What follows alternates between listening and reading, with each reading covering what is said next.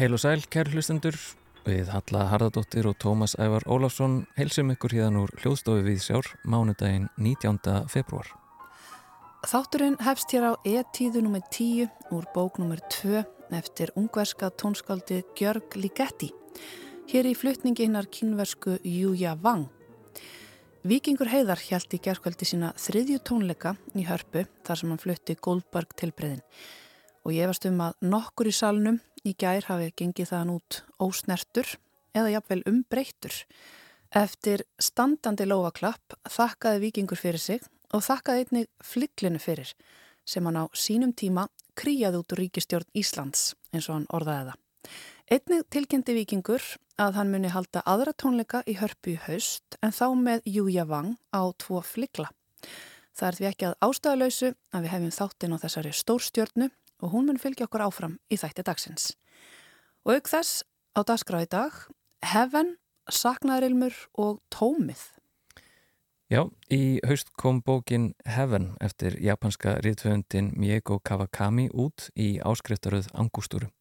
Í bókinni lætur höfundur sig varða afar þung umfjöllunar efni, einelti, útskúfun og einmannalega en þræðir í gegnum þau frásögn af nokkuð óvenjulegri vináttu.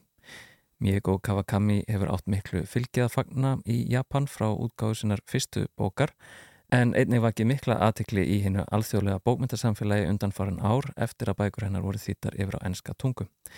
Við ræðum við Jón Stefan Kristjánsson, þýðandahefn á íslensku í þætti dagsins. Og við hugum einnið að tóminu með heimsbyggingnum Freyju Þórsdóttur. Í dag fjallar Freyja um mikilvægi auðasvæðisins og skoðar það frá ýmsum hliðum. Náttúran þarf plás til að aftapna sig og halda jafnvegi, segir Freyja í pisli dagsins og það sama á við um okkar eigin meðvitund. Þegar við gleymum mikilvægi plásins eigum það til að trubla náttúrulegt flæði lífsins. Nánarum það hér um miðbygg þáttar. En við hefjum viðsjá í leikúsinu. Einleikurinn Saknaðar Ilmur var frumsyndur í þjóðleikúsinu um helgina.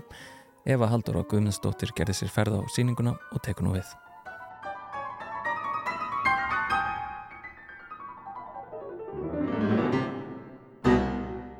Rannsóknir sína að áhrif áfalla á tögakerfið eru gífurleg. Þau gera það verkum að skinnjun okkar á raunveruleikanum endurforritast og breytist að eilífu. Einnig benda suma rannsóknir til að áföllin erfist jafnvel milli kynnslóða. En þrátt fyrir það eru við enn á byrjunarreit þegar kemur að því að skilja afleðingar þeirra. Fólk sem hefur orðið fyrir áföllum í lífinu þarf oft að auki að takast á við þá staðarind að sársöki þeirra er ekki viðurkendur og honum ekki gefið rými. Í verkinu Saknaðarilmur sem frumsyngt var í þólíkósunu fyrir helgi eru áföll og afleðingar þeirra á sambönd rannsökuð. Saknaðarilmur er unnin uppur bókum Elisabethar Jökulstóttur, Apríl Sólarkulda og Saknaðarilmi. Unnur Ösp Stefansdóttir leikur aðal hlutverkið og er jafnframt höfundur leikgerðarinnar. Aðal persóna verksins er auðvita byggða á Elisabethi sjálfri líkt og í bókunum tveimur. Í leikritinu segir Elisabeth sögu sína á sviðinu frá því hún missir föður sinn, Jökul Jakobsson, 19 ára gömul og fram að því hún þurft að takast á við dauða móður sinnar, Jóhannu Kristjónsdóttur. Þegar gengið er inn í salin mæta áhörfandur Elisabetu sem verðist vera örlíti stressuð að hefja frásagnina af tveimur stærstu áföllum lífsins. En þrátt fyrir að stara ofan í hljóðnemann til að byrja með þá líður ekki að löngu þar til við sjáum glitta í gletni í augum hennar, tjáningaþörfin tekur veldin og saga Elisabetar hefst. Hún ferðast með okkur í gegnum áföll, baráttu og sorgir skáldsins. Sýningarnar Saknarilmur og Vertu Úlfur eru náskildar í uppbyggingu, uppbróti í forminu og eru persónulegar sögur af geðraskunum. En kjarni þeirra er afar ólíkur. Saknarilmur sker sig frá Vertu Úlfur að því leitinu til að sagan er beinskeittari og mætti segja hún fari inn á hættulegri slóðir í rannsókt sinni á áhrifum áfalla á fjölskyldubönd og þá sérstaklega með tilliti til móðurhlutverksins. Handreit leikverksins vinnur unnur ösp af nákvæmni og nær hún að kjarna tilfinningaríka frásagnina sem enginnir bækunar. Söguna segir hún nánast línulega en brítur hana upp með minningum og ljóðum eftir Elisabetu. Unnur heðrar sögu Elisabetar með nefni, skilningi og forvitni og setur ósérhlýpni Elisabetar í forgrunn í textavali og uppbyggingu senana. Til að mynda má nefna þegar Elisabeth lýsir samræðum sínum við móður sína býr unnur til vendipunkt þar sem hún byrjar að endurleika samræðunar og allt í einu eru við stödd í húsi Jóhannu þar sem Elisabeth er í manju og öskrar á móður sína. Eða með því að setja af og til inn í verkið augnablík þar sem Elisabeth reynir að sannfæra sig og áhörvendur um að drengurinn hennar sé fyrir norðan. Þá myndast tilfinningaþrungin spenna þar sem sannleikurinn nýstir inn að kveiku. Hún er líka að draga fram enginandi húmorinn í skrifum Elisabetar eins og þegar hún talar um að hafa unnið á kleppi og síðan orði sjúklingur. Fagurfræði verksins er hlý og leikur Elin Hansdóttir sér með form í leikmyndinni. Þegar þunn og gagsætt hjöldin eru dreyin frá, byrtist okkur beinkvít og snirtilegt teppið sem myndar hálfring. Sinnefskul tjöld umlikja teppið í sama formi og á teppinu eru staplar af papakössum, gamaldags svamtínur og rauður hægjendastóll. Þund tjöldin búa til andrumsloft hlílegs heimilis en minna einnig á hversu þund lag er millir skáldskaparins á sviðinu og raunveruleika áhorfanda í sætunum og auðvita þunn skil millir heilbreyðis og geðröskunar. Í kössunum er að finna allskynns tákmyndir sem tengja okkur við ströyma í samfélaginu, tímabil og personur. Kassatnir vekja ekki einungis haurenningatengslu minningar heldur líka breytingar. Lýsing Björns Bergsteins Guðmundssonar skapar töfrandi andrumsloft og endurspeglar innra líf Elisabetar í sömum senunum. Nótkun hans á litum hrífur og hann flakkar óspart millir raunsægis og ævintri heims. Blikkljó sem augra skinnferðanum tákna upp sveiplu maníunar hjá Elisabetu og laung ljósarönd verður tákmynd fyrir tvíhyggjuna á hugnæman hátt. Filipja E. Elistóttir notar áferð listilega. Þar má nefna leðurjakka yfir bómullarból og pils með mjúkum trefli. Hún er einnig að endurspegla baráttuhug Elisabetar og mikilvæg pólitísk skilaboð með áprenduðu keffíi treflamunstri á bornum og skrautlegum kjólum sem er til marg sem um mikið hugur ekki. Búningarnir lýsa ferðalegi Elisabetari gegnum æfiskeið sín á snildarlegan hátt. Mjúk og náttúrulega litapalettan endar í litatýrð og glans sem heillar. Einnig leikur samspil lýsingar Björns og búningar Filipíu á skinnjun áhorfanda og skapar töfrandi augnablík. Hljóðheimur Ólafar Arnalds og skúla Sverrissonar er virkilega gefandi. Frum saman tónlistin í blandu lögin sem hafa verið fengin að láni íta undir kvenlega frásögnina og tilfinninga þrunga verksins. Sviðsreyfingar Margreðar Bjarnadóttur rýma vel við hljóðheiminn og hún leikur sér snildarlega með búninga. Pelsin breytist í ungan mann sem á í ástarallótum við Elisabetu og fjólublá úlpa í móður Elisabetar að famana. Unnur Ösp gefur mikið af sér. Það er stutt millir hláturs og gráts í verkinu og það er með ólíkjendum hvað hún næra leika og tilfinningar áhörvenda. Hún flakkar úr hlýju yfir í reyði, harnesku yfir í mýkt eða sannleika yfir í líi á auga bræði. Önnur nær að vera jarðtengt í tólkun sinni á Elisabethi í gegnum áföllin og geðhæðirnar sem gerir það verkum að við náum að tengjast henni sterkum pöndum en hún aftengist okkur svo snarlega þegar sásökinn er á mikill. Hún er hrá í stöður í leitsinni að viðurkenningu eftir að höfnunin litaði lífennar. Í lokasinnunni kemur unnur ösp erindi verksins kröftuglega til skila með því að sína afleðingar tvíhekjunar og stífleika feðraveldisins á unga stelpu sem elskar leikúsið. Við sjáum hana einlaglega sleppa sér í töfraheim leikúsins og jafnpratt skella á flötu gólfi raunveruleikans. Björn Tórs leikstöru verksins leifir hæfileikum unnar að njóta sín og leggur áherslu á að örfa skinnfæri áhorfenda.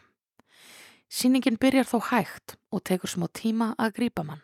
Ætlunin hefur líklega verið að búa til andstæður og stíganda í manníuna, en það tók mér smá tíma að komast inn í verkið. Björn leiku sér að því að brjóta fjórðaveikin og lætur personu Elisabetar óheikað ávarpa áhörfundur beint.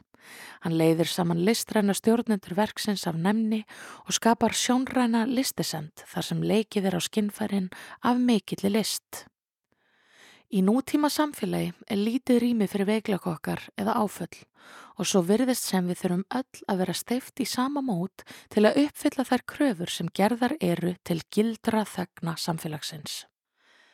Saga Elisabetar verður saga allra kvenna, allra meðra. Áföll meðra verða áföll dætra og áföll dætra verða áföll meðra þeirra. Höfnuninn sem fylgir því að þurfa að kingja sársökanum vegna skorts á skilningi er íþingjandi. Bardaginn að sannfæra aðra mannesku um sinn sannleika er átakanlegur og þreytandi og er eina lækningin við þeirri baráttu, tengsl. Saknaður ilmur er ljúfsárt ferðalag sem býður okkur að velja áfangastað utan tvíhekjunar. Verkið er kvenlegur töfraheimur þar sem samkend og viljinn til skilnings færir okkur nær hvert öðru og við getum loks séð það sem saminar okkur. Við þurfum bara að muna töfrana.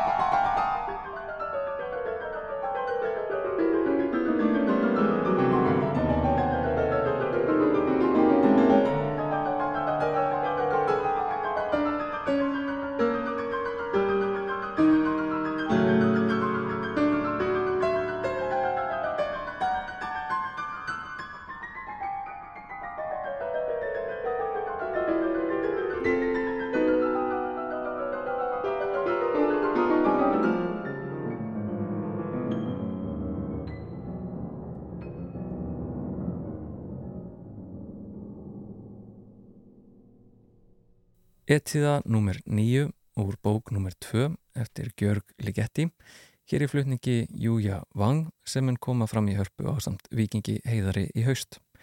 Þar áður sagði Eva Haldur og Guðmundsdóttir frá Saknaðar Ilm sem síndur um þessar myndir í þjóðleikursunu. En þá tekur Freyja Þórsdóttir við sem í dag ætlar að fjalla um auðasvæðið. Í kínvaska rítinu Ferlið og degðin segir Leir er mótaður í byggar Tilvistaleysið í honum gefur tilveru byggasins notakildi.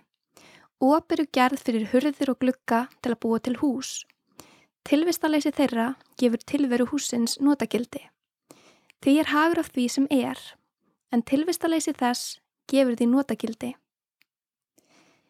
Í textabrótinu er aðtiklið dreyin að mikilvægi auðarsvæðisins. Það er tómið í byggarnum sem hægt er að fylla af vögva. Án glukka og hurða er hús aflokaður kassi. Ekkert flæðir frjálst nema rúm leiði. Líf okkar eru háðið í að loft flæði um munnúb og nasir. Að vatn streymi óhindrað um líkamann. Rúmgott skjól er sömleðis fórsenda þess að líkamar geti myndast.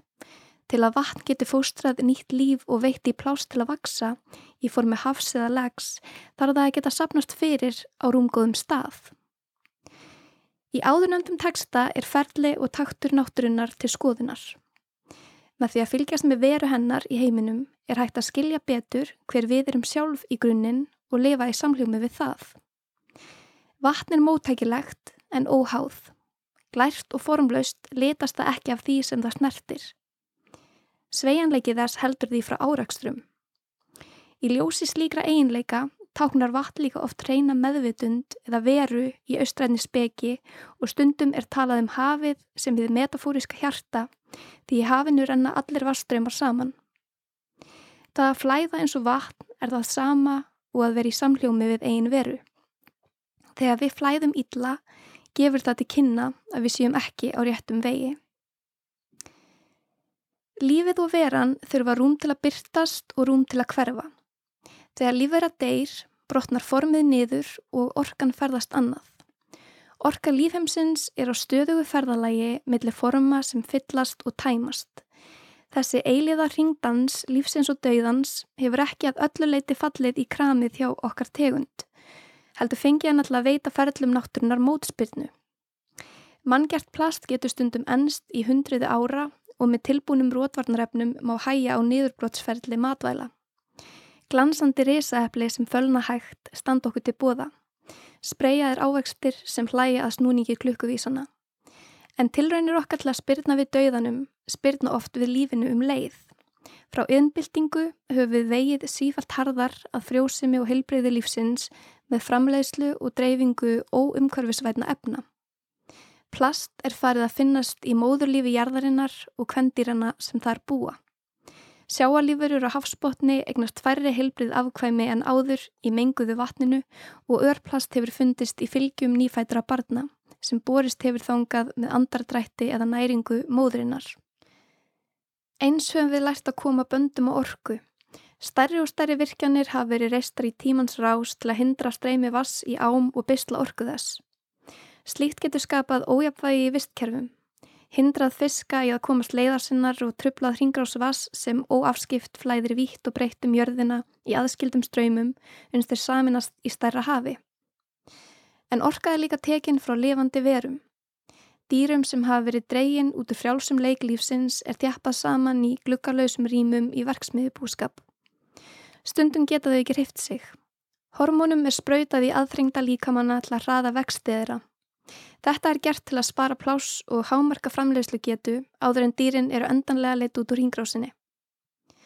Svo hagnýting á öðlindum náttúrunnar sem byggir á því að einn tegund kroti beina línur yfir hingjanar, festana í kössum og dræjúrunni orku er á skjön við takt náttúrunnar.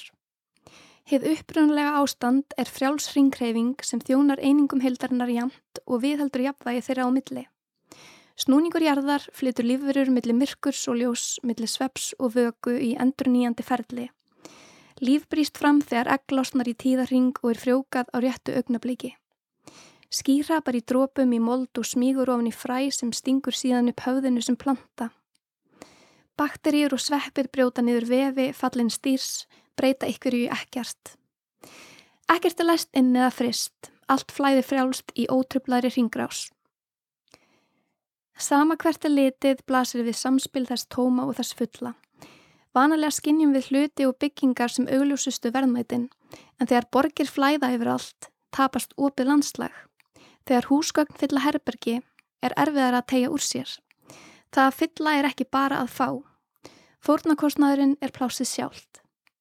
Kanski er það þó ymmit meðutundin um takmarkan í lífsinn sem drýfur okkur til að ríkhalda í sem flest. Ofandandi pössum við að láta ekkert fara til spillis á henni smáu plánetu í hennum stutta degi. Gleimum að öndunin sjálf fyrir til spillis, að ókyrðin sem fylgir kapseminni tvistrar aðteglinni og augnablikið hverfur hraðar. Þegar böndum er stöðut komið á tíman og rúmið í þá hámarks afkasta, drengir að verunni sjálfri. Víðáttan hverfur, tímaleysið hverfur, eins og hafið hverfur fiski sem ringsnýst í glerkúlu eða afgjörstu lóni. Ef við hefðum lengri líftíma væru við kannski slakari. Færum að star út í hafið eins og 200 ára skjaldbökur á sjáaströnd. Speikl okkur í vatninu í stað þess að dreifa í það plastumbúðum. Gætum kannski sleft takinu og leift viðáttu hins tóma augnableiks að gleipa áhyggjur okkar. Tímaleysi er ástandi sem við finnum okkur í þegar við gerum ekkert sérstakt í fullri sátt. Þegar við marsirum ekki millir dálka stundatöflunar eins og upptræktir tindátar. Reynum kvorki að fán í afreika heldur bara erum. Tíminn hættir að vera sandkornið sem rapar niður stundaglasið alltaf við það að hverfa. Hann þyknar í mjúkan strandarsand sem tegir sig í allar áttir. Sand sem hættir að leika með, búið til kastaláur. Breytist í tíma barsins sem hefur ekki verið hólfaður og bundin í endurtekningasum minnstur. Verður á tómablaðinu sem fyllist af trélituðum fyrðuverum sem engin veit hvaðan komu. Ekki einu sinni barni sem krótar í frjálsum leik. Verður aftur að möguleikanum til að dreyma og skapa. Líf okkar eru blanda af endurteknum minnstrum og augnablikum sem eru opnari fyrir því óvænta.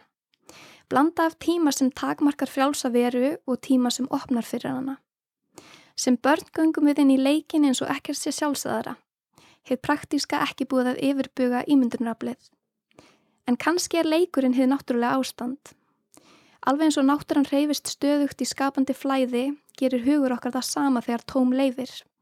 Í hennum stefnulösa göngutúr í dagdröminum, undir sturtubuninni, nær veru okkar stundum að tegja úr sér. Þegar stjórnin er sleft, geta stíf hugsunarmynstur liðast í sundur eins og dauður vefur í ringrás. Þegar við dveljum langdveljum í tímaleysi, myndast stundum hurð á veggjum hins kunnulega, veggjum hugans eða tíðarandans sem verum orðin samgróin. Við komumst út um stund, ráfum frá ráðandi hugmyndum og lífsháttum. Menningarlegur veruleiki okkar er að sömu leiti líkar í draumi en raunveruleika. Menningin spratt ekki upp úr moldinni eins og tré, er ekki óumflíjanlega eins og ástíðnar. Við spunnum hana sjálf með ímyndunraflinu en ólíkt köngurlóni eigum við það til að festast í eigin vef. Ráðandi menning er sumpart eins og draumur þeirra sem höfðu völdin til að festan í sessi. Þess vegna þjónur hún ekki öllum. Sumir hópar eru aukaleikarar í draumsín annara begðir undir tungumál sem er ekki þeirra. Þegar við höfum lært að þekka fyrir bara heimsins með orðum er ekki svo auðvelt að pústa þau í burtu. Það er erfitt að horfa á stól án þess að hugsa ósjálfrátt stól. Það hefur oft verið erfitt fyrir karlmann að horfa á konu og hugsa jafningi. Erfitt fyrir kvítamannin að sjá svartamannin sem jafningja. Erfitt fyrir mannkinnið að sjá dýrin sem skeni getar verur og slíkar hugmyndir sveima enn á mismeðutuðum stigum. Hugmyndir geta breyst í veggi og hús og stundum eru ekki á þeim hurðir og gluggar, ekkert tóm sem hleypir inn fersku lofti. Stundum festumst við innan þraungra hugmynda sem hald okkur frá okkar betri vitund, stundum myndaðar skilrúmiðlu okkar og annara. Það kallast nýlendu stefna þegar valda meira ríki leggur undir sig valda minna ríki. Landi og öðlundum er stólið fyrir gróða. Sögulega hefur slíkt verið réttlætt með hugmyndum um yfirburði. Hugmyndir frá 17. öld voru til dæmis nýttar af englendingum til að réttlæta stuld á landi norður amerískra frumbyggja á þeim forsendum að þeir væri ekki jafn vitsmunalega þróaðir. Að þessir viltu menn sem eins og börn höfðu ekki þróað raukhugsun sína sóuðu landi í einskunar yðjuleysi. Gjörnýting landsins var til margs um hinn siðmentaða huga. Ef landi hafði ekki verið skipt upp í afgjert svæði þar sem framleiðsla átti sér stað, gaf það til kynna vanþróað ástand. En frumbyggjarnir deildu ekki síninni á jörðina sem líflausan massa til að hagnast á, heldur var hún vera sem átti rétt á sínu plási. Í ólíkum búningum hafa hugmyndir um yfirbyrði eins hóps yfir öðrum stólið tilveru rétti frá fólki, dýrum og náttúrinni allri. Stólið plási frá samkendinni. Þessa dagana kappkosta stjórnvöldi Ísrael við að tæma gasa af öllu lífi. Ætluninn er að taka svæðið frá fólkinu sem þar býr og nýta það í annað. Ísælskan börnum er kent að sjá palestínu börn sem óæðri. Í upphittun fyrir Eurovision voru þau finnamdu nýlega látin syngja gladleg lögum þjóðarmorð á palestínubúum. Hið frjálsa flæði barshugans hindrað og hann virkaður eins og á, skilin frá stærra hafi. Í ferlinu og dygðinni er sagt að vitringurinn höndle alla eins og börn. Jésús rálaði það sama. Kanski merkir það að við eigum að koma fram við allar verur af skilirislausri ást. Að leysa upp mörg samkendarinnar svo hún geti verið heil ringur sem rúmar allt. Á okkar tímum höfum við fengið að sjá hvað gerist þegar samkendin dregst svo rótækt saman að barn er ekki síða sem barn. Sum börn fá ekki rúm til að hlusta á eigið hjarta, önnur ekki rúm til að lifa. Allt vegna narratífu sem ykkur bjóð til. Og stór hluti umheimsins hefur verið meðvirkur eða letið í aðra átt. Þjóður ætla að keppa í Eurovision með Ísrael þótt stjórnveld þar í landi ástundi þjóðamorð fyrir allra augum. Það er ljóst að fantasían getur stóli plási frá hjartanu.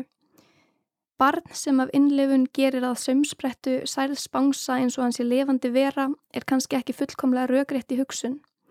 Samt er það í djúpum tengslum við samkendina. Þessu er stundum öfugt farið í leikina fullordnu. Það sem verist praktíst tekið fram yfir það sem við vitum innst inni.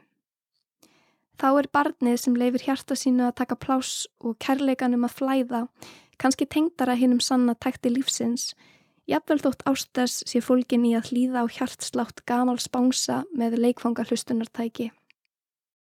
Sagði heimsbyggingurinn Freyja Þórstóttir um auðasvæðið. En þá höfum við að bókmyndunum heyrum lestur úr nýþýtri bók.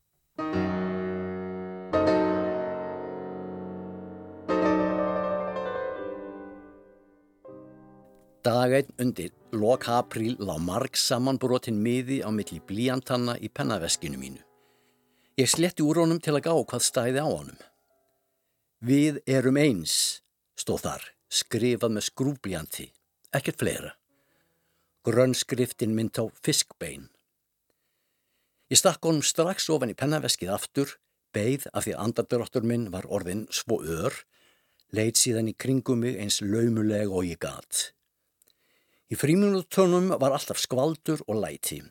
Ég færði lesbókina og stílabókina til og frá meðan ég var að ná mér niður, stilti þeim svo upp hlið við hlið og yttaði blíjantinn vandlega. Það var hringtinn í þriðja tíma.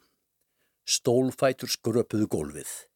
Kennarinn kom, tíminn byrjaði. Var þetta einhver brandari? Grínið hjá strákonum hafði aldrei verið svona meinlaust. Ég andvarpaði innra með mér og leiði mér að síga ofan í mitt venjulega slen. Einungis þessu fyrsta brefi var stungið í pennaveskið.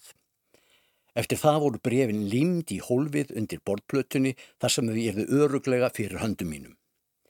Ég fekk alltaf gæsaðu þegar bref kom og leitt varlega í kringum mig.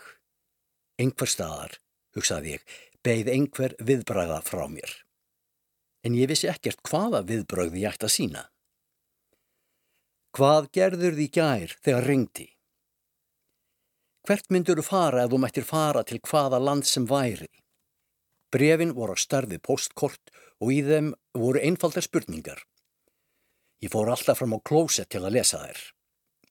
Ég hefði hend þeim en vissi ekki hvar best væri að gera það svo ég stakki þeim á endanum inn í dökkblá skipulagsdagbókina mína. Annars var allt eins og áður. Nínómía og hínir létu mig bera skólatöskurna fyrir sig eða spörkuði í mig eins og ekkert væri eðlilegra, lömdu mig í höfuðið með blokkflautónum eða létu mig skjótast fyrir sig. En jafnframt því heldur brefin áfram að berast og tekstin í þeim að lengjast. Nafnið mitt var aldrei notað og enginn skrifað undir en þegar ég skoðaði skriftina vel fór ég að spá hvort þau væru kannski kvorki frá nínómía nýja neinum af hinnumstrákonum heldur einhverjum allt öðrum. Nei, það getur ekki verið, hugsaði ég. Og því meira sem ég hugsaði um þetta, þeimun fráleitari virtist svo hugsun vera og það gerði mig enn niðurdregnari. Samt var það eins og dálí til atum hjá mér á hverju morni þegar ég kom í skólan að gáð brefi. Það var notalegt að standa í öðri hljóðri í stofunni með bónlyktina í loftinu og lesa fiskbeinskriftina. Þótt ég vissi að þetta værað öllum líkindum gildra var eitthvað við þessi bref sem veitti öryggiskend. Mér langar til að hitta þig, stóði brefi sem barst í byrjun mæ. Ég var þarna frá 5 til 7. Þessu fylgdi einfalt upprissað kort og dagsetning. Ég fann æðasláttinn dinja í eironum. Ég las miðan svo ofta ég gætt séð textan fyrir mér þótt ég lokað augunum. Restin af deginum fór ég að bróta heilanum hvað ég ætti að gera og í fríminútonum hugsaði ég svo stíft að ég fekk höfuverk og misti alla matarlist. Mér fannst sjálf gefið að þegar ég mætti á staðin erðu nínumíja og hínir þar fyrir klárir ég buffa mig. Þegar þeir sæja að ég hefði ákveðið að koma, myndi þeir umkringja mig og skemta sér í einhverjum nýjum leik á minn kostnað. Allt ætti einungis eftir að versna. En ég gat bara ekki glemt brefinu.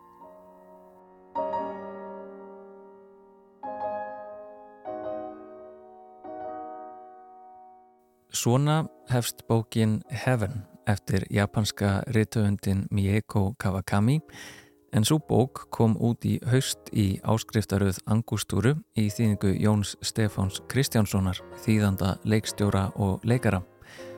Heaven vakti mikla aðtegli í heimalandinu þegar hún kom út og hlaut þar hinn mikilsvirtu Murasaki Shikibu verlaun Þegar hún kom út í ennskri þýðingu síðan árið 2021 var hún í kjölfarið tilnæmt til hérna alþjóðlugu bókarveluna. Jón Stefán, þýðandi bókarinnar, er komin hingað í Vísjá. Vertu einilega velkomin, Jón. Jó, takk fyrir. Og þessi bók, Heaven, eftir Mieko Kawakami, hún snertur á afarþungu umfjöllunarefni. Mm -hmm. um, hún fylgir eh, stráki úlingadild í grunnskóla. Um, hann hefur ekki nafn en hann er kallar auga af eh, samnefndum sínum, svona uppnefndur eh, vegna þess að hann er með latt auga og uh, þau leggja hann jáfnframt líka í einelti, alveg svolítið rótalegt.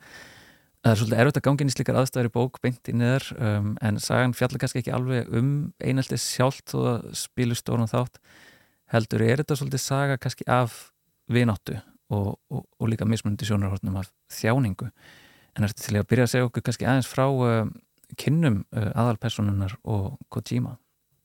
Já, það, það byrjar þannig að strákurinn fær bref, þau eru, eru bekkjasískin og kvalinn hvort um sig en hafa aldrei, leiðir þeirra hafa aldrei leiðið saman, þau hafa aldrei spjallað en svo fær strákurinn bref og það er frá stúrkunni mm.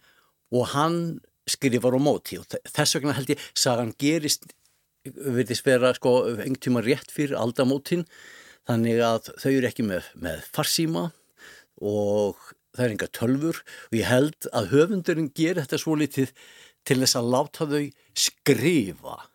Að það, það, það verður svo mikið mál og þau fara að skrifast á og þetta tekur svo langan tíma. Ég ímynda mér að það sé af því að, það, að maður sé lengur að skrifa japansk táknaldur kannski við. Þannig að, að, að þetta verður svo þetta verður svo mikil atöfn, þetta verður svo mikil mál og þau tengjast svo mikil í gegnum þessa atöfn að skrifa. Finnst mér, það stendur mm. ekki bókin en, en þess vegna finnst mér að þau séu látin kynnast gegnum skriftir og að þeirra kynni verða og þeirra samband er í gegnum þessar skriftir gegnum brefina því að þau talast ekki við í, í skólanum. Mm.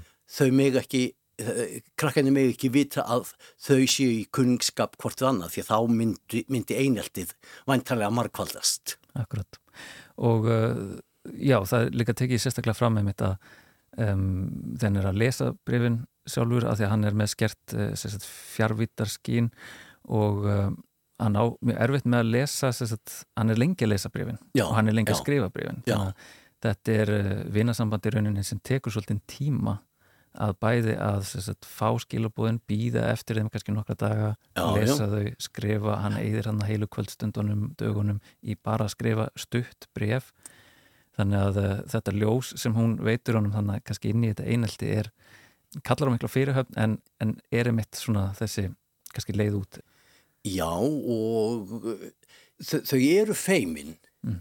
en það er eins og með, með annað ég get ímynda með það í dag sko fari feimnin af mönnum þegar þeir eru með SMS eh, eða TikTok eða eitthvað.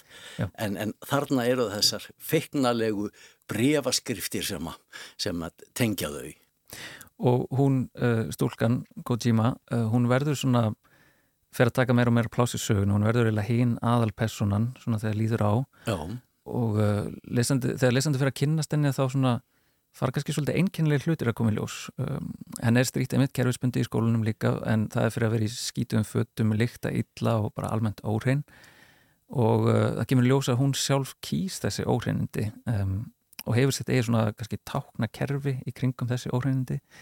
Uh, mætti ég byggja um að svona útskynna þess út af hvaða tákna kerfið gengur Já, þetta hún er að reyna að halda vissu sambandi við föður sinn. Hún er, er, er foraldrarannar hafa skilið og hún er ekki hammingusöm með mömmunni og nýja pappanum en henni þykir mjög vænt um föður sinn sem býringsta fjarrri, hann er fátækur, hann gengur í ljótum fötum, ribnum fötum, hann er skítur, það er lykt af honum. Og þetta er hennar leið til þess að tengjast honum. Því að pappi lyktar, þá ætla ég að lykta. Pappi gengur í ribnum fötum þess vegna ætla ég að ganga í, í ribnum fötum. Og, þannig byrjar það en, en, en svo, svo fer þetta að taka á sig aðra og stærri vitt þetta, þetta táknkerfinar þessi, þessi heimsmynd sem hún býr sér til að þar fara táknin að hafa stærri skýrskotun fyrir, fyrir hana. Og um, þau er mitt uh, í gegnum skriftir hafa þetta samband þau hittast afar sjaldan en svo kemur kannski þetta stóra uppbrót í sögunni í sumarfríinu í skólanum. Það ákveðu að fara á eiginlega óvissu ferð fyrir strákin en þau fara á listasap þar sem að Kojima vil sína aðalpersonunni uh, verk sem hún hefur nefnt hefn en heitir eitthvað annað sem er innst á safninu uh, en þau komast reyndar ekki að alveg svo langt inn í safnið áður en að hún svona eiginlega gefst upp fyrir aðtöfninni og þessi heimsókn er líka afar táknan, þetta er eiginlega svona stærsta táknið sem hún sýnir. Um, hvað hva líkur þar að baki heldur? Þannig að alltaf svo litið erfitt að ætla að, að ráða í táknið eða ákvæða hvað þau þýða. En manni finnst það nú þegar, þegar maður er búin að lesa bókina að þá er að þau eru farið þessa ferð og höfundur tekur góðan tíma í að lýsenni, þau fara á safnið og þau eru að skoða alls konar verk en einhvern veginn þrítustúlkunna erindið og þau komast aldrei til hefn og manni finnst það einhvern veginn vera málið, hún telur sig vera að berjast fyrir einhverju, að, að táknin hennar og kúunin sem hún verður fyrir að það sé einhvern veginn hluti af, af starri heild.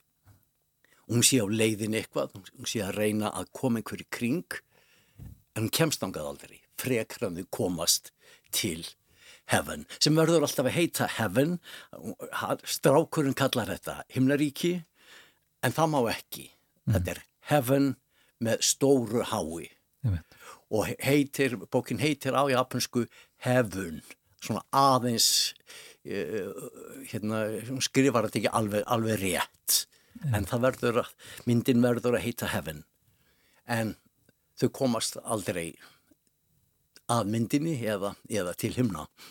En það stendur eitthvað staðar að myndin sé af tveimur manneskjum uh, sitjandi. Þannig að við vitum svona sérska bát hvað er áverkinu en fáum við kannski ekki beina lýsing á því og, uh, en hefur eitthvað hugmyndum hvaða verk þetta er?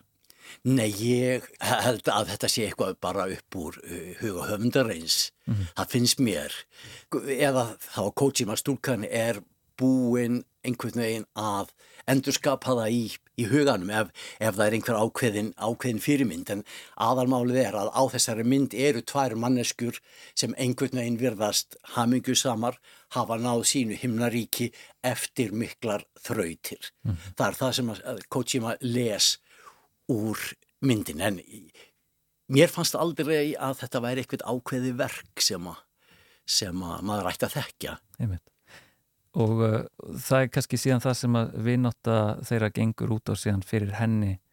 Um, hún hefur mik mikla samúð fyrir uh, aðalpersoninni og hrýfst af uh, lata auganu hans, tekur það oft fram. Og einmitt eftir heimsóknin á safnið þá er laung sena það sem þau eru einmitt sitjandi hlið við hlið og að ræða málinn þannig að þetta verk einhvern veginn stýgur eiginlega inn í bókina, eða ekki? Það er einhvern veginn alltaf það er alltaf yngstaður í bakgrunum, það, það er aldrei nefnt, hann, hann, nefnir svona í framhjólaupi e, þegar þau fóru á, á, á safnið, mm -hmm. en þessi hugmynd um málverkið og um þessar mannesku sem að hafa öðurlast fríð eftir þjáningar, hún heldur, hún heldur áfram því að svo, ég var að tala um þessi, hvernig hún strakkar þessi tákn, að hún fer að sannfæra sjálfa sig að það er búin að því og drengin að það séu þau sem stjórna. Þau láta þetta yfir sig ganga af því að þau eru að berjast fyrir alla sem hafa orði fyrir kúun og séu einhvers konar fyrirmynd fyrir alla sem nýðst er á.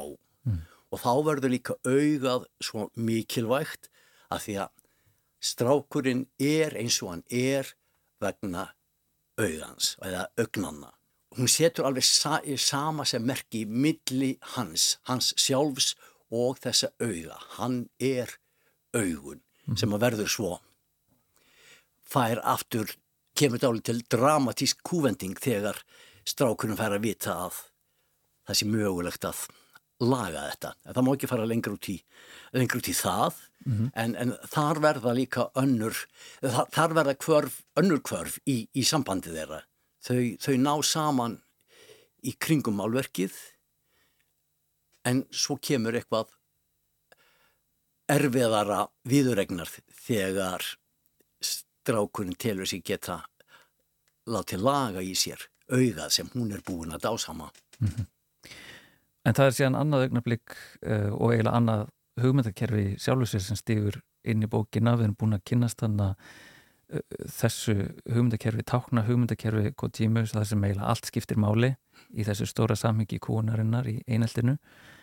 En uh, þegar aðalpersonan uh, eftir mjög slæma árás uh, þarf að leita sjókrahús þá hittir hann þarna bekkjafélagi sinn sem hefur svona, já, tekið þátt eða svona staðið og hort á og, og einhvern veginn samþygt þetta ofbeldi sem að verður fyrir og ákveðra eldan og, og, og tala við hann um ofbeldi og svona ganga eins á hann sko um hvort hann fá ekki samvinsku bytt og hvort að það sem hann er að gera sig, hann veit ekki að það, það sé ránt og hérna svörin sem hann fær frá þessum um, bekkjafélagi sínum Momose um, komun kannski svolítið í ofna skjöld að því um, hans sín á lífið er, er tölverst önnur. Erstu til að segja okkur aðeins hver hún er? Já, mér finnst kannski þessar hugmyndir bekkjafélagans vera stilt upp í mótsögn við hugmyndi Kojimu sem ímyndar sér að þau stjórni í raun, þau leifi þess að gerast og þau hafi einhvers konar vikt uh, og hlutverki að gegna gagvart öllum kúuðum ungmennum í heiminum. Það sem hinstur ákveðin segir bara þið bara skiptið ekki nokkru máli. Það, það, það er í rauninni engin heimsbyggi, þau eru bara núl og nix, þau eru bara ekki neitt, þau bara urðu fyrir þessu að því að einhverju voru í stuði til þess að vera andstíkilegir og, og þau urðu fyrir því. Þannig að það er annars vegar þessi stóra hugmynd hennar um, um vægi þeirra og svo slæra hann algerlega út á borðinu. Þau eru bara ekki neitt neitt. Þetta er ákveðin kannski líkil að hugmyndafræði verksins sem höfundur er að leika sig með og, og hún hefur sagt að í vittulum að hún fekk ákveðin innblastur frá lestri á verkum Þíska heimsbyggingsings eh, Fredrik Nietzsche.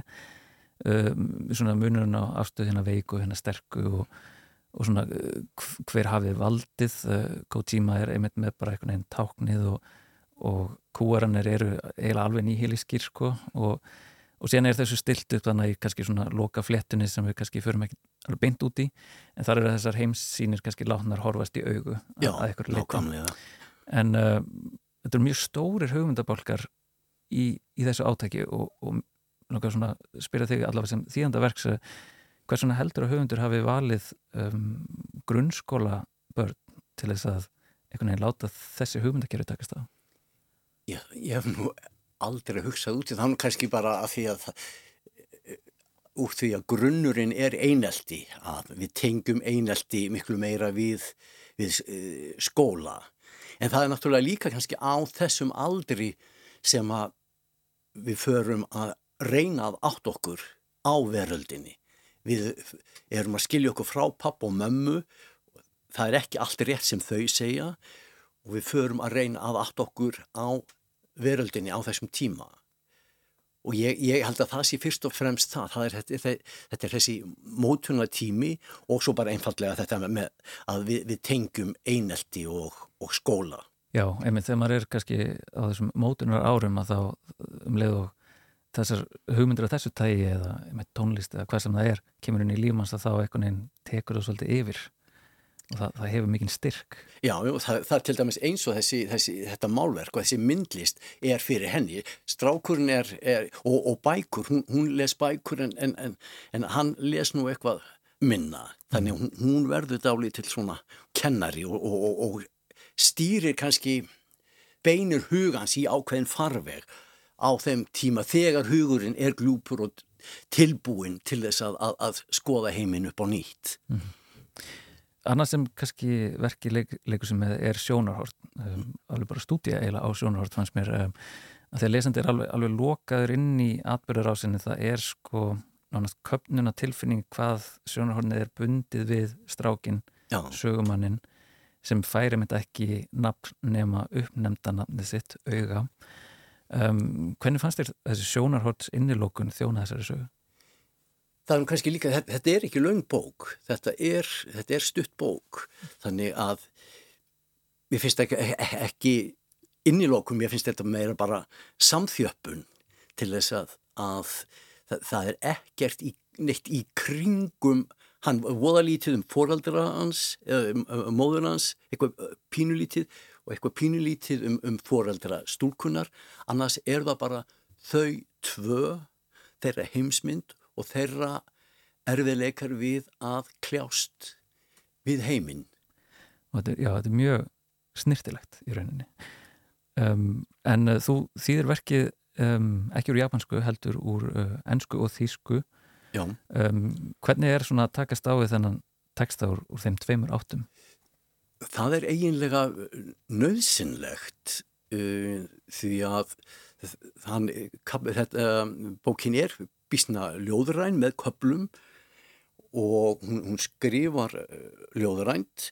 Og svo er maður með ennskuna sem að það sem hægt er að tengja saman einhver orð sem hafa einhverja tilfinningu, einhver, einhver áhrif og þegar maður les textan á ennsku þá segja orðin eitthvað eða, eða hafa einhver áhrif á mann en íslenskan heimtar rökrétta merkingu og þá kemur þískan til góða því að þískan er svolítið eins og íslenskan hlutinir, það þarf að vera svolítið klárt hvað hlutinir merkja og, og mögulega er það líka hinn þíska hugsun sem, sem gerir það verkum að þíska þýðingin hún er svo litið jarðbundnari. Mm. Þannig að, að með því að sigla þarna einhver staðar á milli, taka úr báðum áttum, þá finnum maður sinn milli veg. Nú skilst, ég veit ekkert um japansku, mér skilst að hún sé dálítið svona, uh, hún, hún er ekki eins bundin af, af uh, uh, málfræðinni, svona, uh, menn þurfa meira að, að ráða í, lesandi og hlustandi meira að ráða í og, og, og, og lesa í það sem, það sem sagt er og það magnast allt upp svo á ennskunni sem að það sem þetta er hægt mm. en þjóðverðin virðist gjarna bara ákveða hvað er verið að segja. Og það er eitt aðtriði sem að til dæmis ég var í erfiðleikum með, það strákun hefur verið lokaður í skáp hættir sér út og fer á klósettið, heyrið þá kvalara sinn koma á samt einhvern félaga, hann lokar sér inn á, á klósetti. Og síðan tekur við eitthvað einkennilegt samtal, hann heyrir eitthvað einkennilegt samtal fyrir utan. Og það, þetta var mjög erfitt á ennskunni að, að finna einhvern þráð í því sem verið er að segja. En þíski þýðandin tekur ekki afgerðin þetta, hann tekur ákveðin pól í hæðina, síndist mér. Mm. og ég hugsaði, já það er þetta sem er að gerast. Ég, það kemur ekki beint fram í þýðingunni en þetta var mjög gott fyrir mig að þegar ég var að þýða að ég hafði ákveðina mynd af því sem þeir eru að ræða um þarna fyrir utan dyrnar. Mm -hmm. og þarna, þarna, þarna er kemur þískan mjög sterk inn.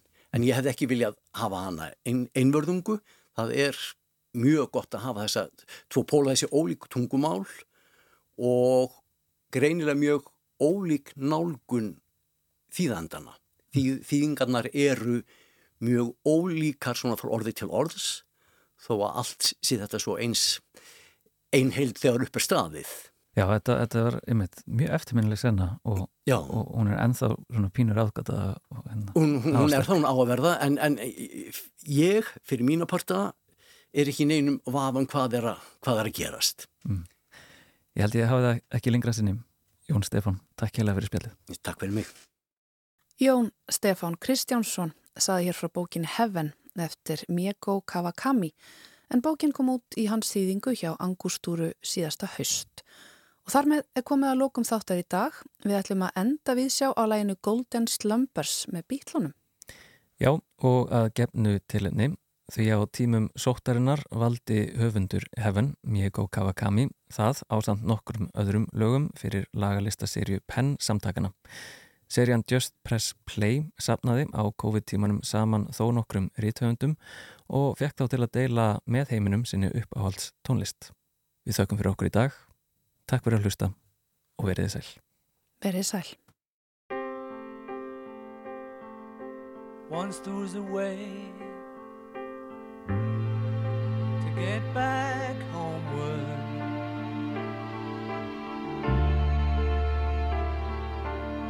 Once there a way to get back home Sleep pretty darling, do not cry and I will sing a lullaby.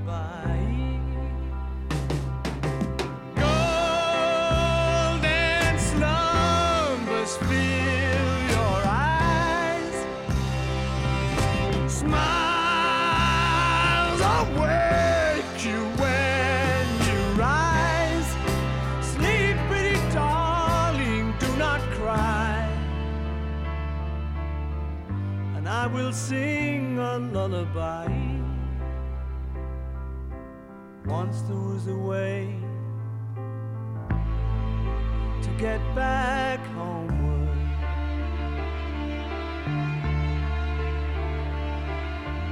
Once there was a way to get back home.